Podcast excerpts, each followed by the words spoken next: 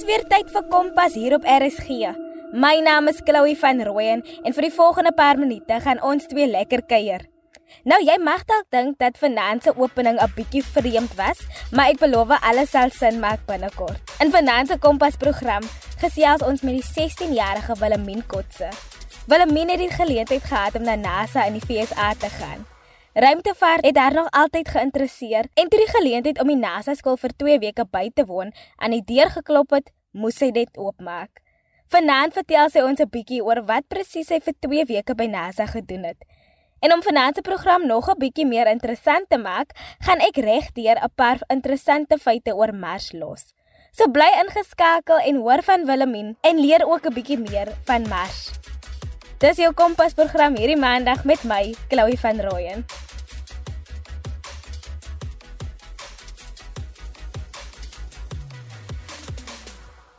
Mars is die vierde planeet van die son af.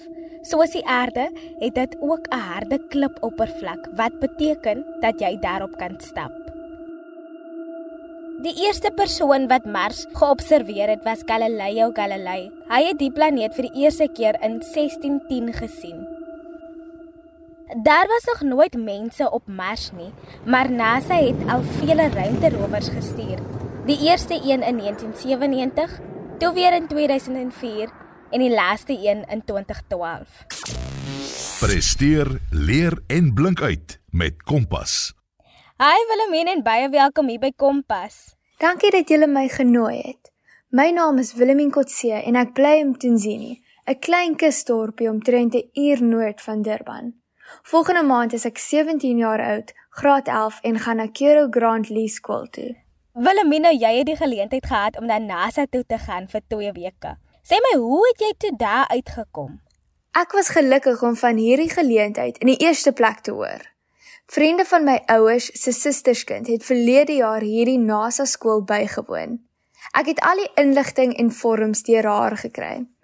Om in te skryf moes ek my rapport instuur en 'n brief skryf waarin ek motiveer hoekom ek hierdie geleentheid moet kry om NASA toe te gaan. Jy sê nou jy moes 'n brief skryf waarin jy motiveer hoekom jy die skool moet bywoon. Wat was jou motivering en waar kom die liefde vir ruimtevaart en ruimtewetenskappe vandaan? Ek het al van laerskool af in die ruimte belang gestel. In graad 7 met die skool se loopbaandag het ek soos 'n ruimtevader aangetrek. So wanneer hierdie geleentheid hom voorgedoen het, kon ek nie nee sê nie. Ja, en toe die geleentheid nou hier is, wat het deur jou kop gegaan toe jy nou op die vliegtuig klim en toe jy nou land in Amerika? Die hele tyd lank kon ek nie glo dat ek eintlik die kans kry om hierdie geleentheid te beleef nie. Ek was baie opgewonde vir die ondervinding, maar ook baie angstig om in 'n nuwe plek te wees so ver van my familie af en nog tussen 'n klomp vreemde mense. Ja, ek kan my indink dat dit 'n bietjie van 'n kultuurskok kan wees. En om goedgekeur te word, moes jy seker deur 'n baie moeilike keuringsproses gaan. Wat het die keuringsproses alles behels? Moes jy aan sekere vereistes voldoen om goedkeuring te kry vir die program? Om aansoek te doen, moes ek wetenskap en wiskunde as vakke gehad het. Saam met dit moes ons ons rapport en ons brief bysit. Sommige jare het hulle onderhoude gedoen, maar ons het nie onderhoude die jare gehad nie. Die kering word op 'n streng punte basis gedoen om seker te maak almal regverdige kans kry. En sê my, wat was die hoofdoel van die program waaraan jy gewerk het? Ek dink die hoofdoel van die program was om jong mense bloot te stel aan die wêreld van die buitenste ruim. NASA het 50 jong mense van ongeveer 25 lande genooi. Ons was almal so graad 11 of 12 ouderdomme. Ons het almal gebly by gasouers wat self ook NASA werknemers is. Ons gesamentlike projek was om 'n manned mission to Mars te beplan. Ons was in 5 spanne ingedeel en elke span het 'n verantwoordelikheid gehad om 'n aspek van die missie te beplan. In die weke voor die reis Amerika toe, het ons werkstukke gekry om te doen. Dit was baie goeie voorbereiding om ons bekend te stel met al die nuwe konsepte van ruimtevaart. En jy het nog gesê dat julle in verskillende groepe ingedeel was en elke groep het sy eie verantwoordelikheid gehad. Nou wat was jou groep se verantwoordelikheid en wat moes julle als aan werk? My groep was die groenspan en ons was verantwoordelik vir die bemanning se gesondheid terwyl hulle op Mars is. Ons moes aan al die sisteme dink wat moet sorg dat almal se lewensprosesse ondersteun word en ons moes 'n habitat ontwerp waarin hulle kan bly. Daar is soveel goed op aarde wat mens as vanselfsprekend aanvaar wat natuurlik nie geldig is op Mars nie. Kompas. Kragvers en knetterend. Anders as die aarde het Mars twee maan, naamlik Phobos en Deimos. Wetenskaplikes voorspel dat Phobos en Mars iewers in die verre toekoms sal bots, wat veroorsaak dat Mars, net soos die planeet Saturnus, ringe rondom hom sal hê. Mars is sowat 2 keer kleiner as die aarde. Die atmosfeer op Mars is 100 keer dunner as op aarde en het veel minder suurstof, wat beteken dat jy nie sal kan asemhaal op Mars nie en sal die hele tyd 'n ruimtepak moet dra. Omdat die gravitasiekrag op Mars veel swakker is as op die aarde, sal jy baie minder weeg op Mars.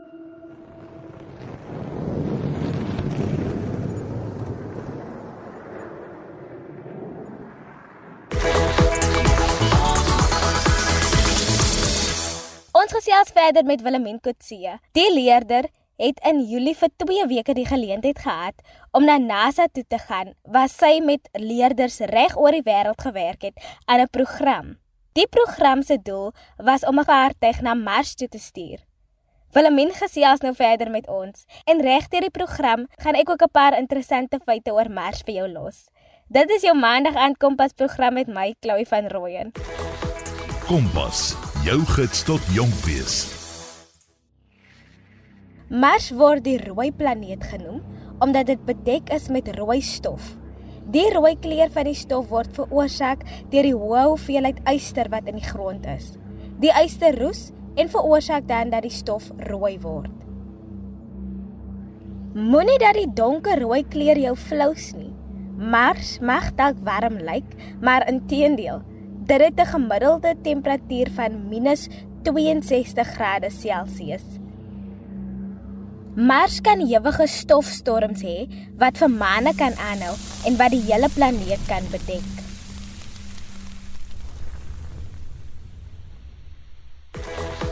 Kompas, jou gids tot jonk wees.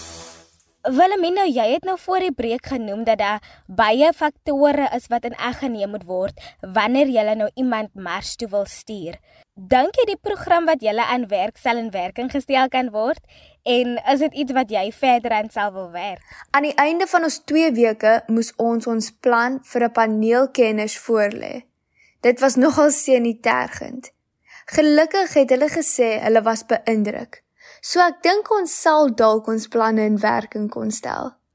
Alhoewel daar nog baie aan hulle gedoen moet word voor ruimtevaarders veilig in Mars kan bly. Ek sal definitief langer daaraan kan werk. Nou jy was nou vir 2 weke by die skool. So watter vaardighede het jy aangeleer of watter vaardighede het jy geslyp in die 2 weke? In hierdie 2 weke het ek geleer hoe om probleme op te los en om aan te hou dink en soek vir 'n oplossing onder druk. Ek het geleer hoe om 'n span te koördineer en om saam te werk in 'n span. Ons moes op 'n heel ander manier dink terwyl ons hierdie projek gedoen het, want alles moet ruimte gepas wees. Die reëls was heeltemal anders. Wilhelmina, die program self is 'n uitdaging op sy eie en ek is seker dat daar baie van hulle was. Maar wat was die grootste uitdaging vir jou tydens die hele proses? My grootste uitdaging was om so ver van my familie af te wees vir so lank. Die eerste paar dae was veral moeilik, want ek is 'n introvert en dit was my bietjie moeiliker om vriende te maak. Maar my gasouers was regtig gaaf en my kamermaat wat van Noord-Ierland was, het 'n baie goeie vriendin geword. Ja. En wat sou jy sê is die beste oomblik van hierdie 2 weke? Ek kan nie dink aan 'n beste oomblik gedurende die 2 weke nie. Alles was 'n ongelooflike ondervinding.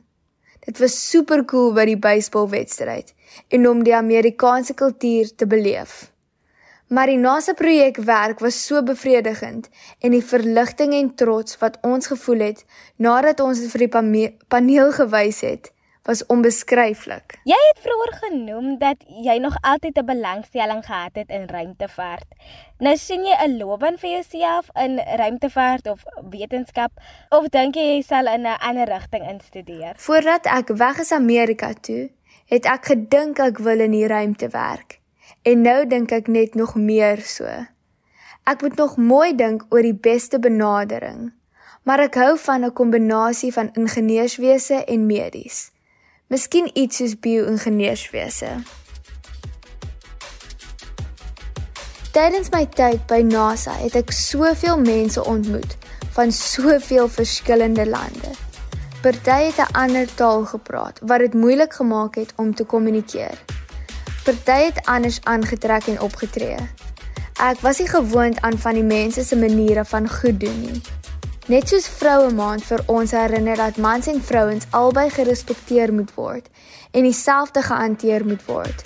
Was ek ook herinner dat almal van ons daar baie verskillend was, maar ons was almal hier so vir dieselfde rede.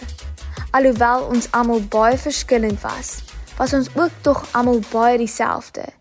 En op die ou end het ek lewenslange vriende gemaak. Baie dankie Willemien, dit was lekker om jou vanaand te hê.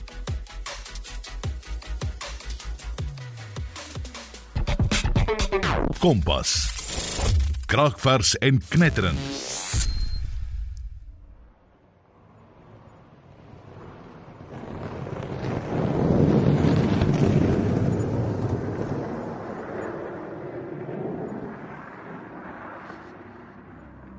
Lig van die son vat sowat 13 minute om Mars te bereik. 'n Dag op Mars is 24.6 ure lank wat nie veel langer is as hier op aarde nie. Maar 'n jaar op Mars is 687 aardse dae. Die hoogste vulkaan in ons sonnestelsel is op Mars. Die vulkaan is genaamd Olympus Mons en het die hoogte van so ongeveer 21 km wat 3 keer hoër is as Berg Everest. Presteer, leer en blink uit met Kompas. Dit is dan al vir jou maandag aand Kompas program met my Chloe van Rooyen. As jy dalk net te laat ingeskakel het, moenie bekommer nie. Die program sal beskikbaar wees op Potgooi met ander programme wat jy dalk misgeloop het. Ek het verlede week met Melandi Maree gepraat waar sy vir ons vertel het hoe belangrik dit is vir kinders om te weet wat hulle regte is.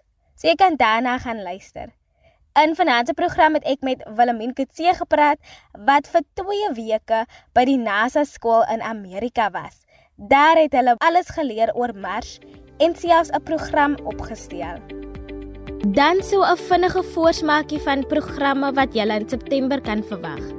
Die 21ste September is Wêreld Alzheimersdag, waar organisasies reg oor die wêreld fokus op bewusmaking rondom Alzheimer en demensie. Die Association for Dementia and Alzheimer's of South Africa of ADASA, in samewerking met die musikant Ali B, fokus die jaar op bewusmaking onder die jeug. Hulle mik om jong mense die tekens van demensie te leer en so ook aan hulle die nodige vaardighede en kennis toe te rus. So die 18de September sal ek in gesprek wees met Ali B, 'n woordvoerder van ADASA en 'n paar leerders wat hulle vir ons gaan vertel oor die veldtog. So maak seker jou draadloos is die 18de September om 08:30 ingeskakel op RSG. Ek is volgende maandag aan terug op die lug, selfde tyd, selfde plek. Tot dan groet ek eers. Ek is Chloe. Dit was Kompas en jy is ingeskakel op RSG.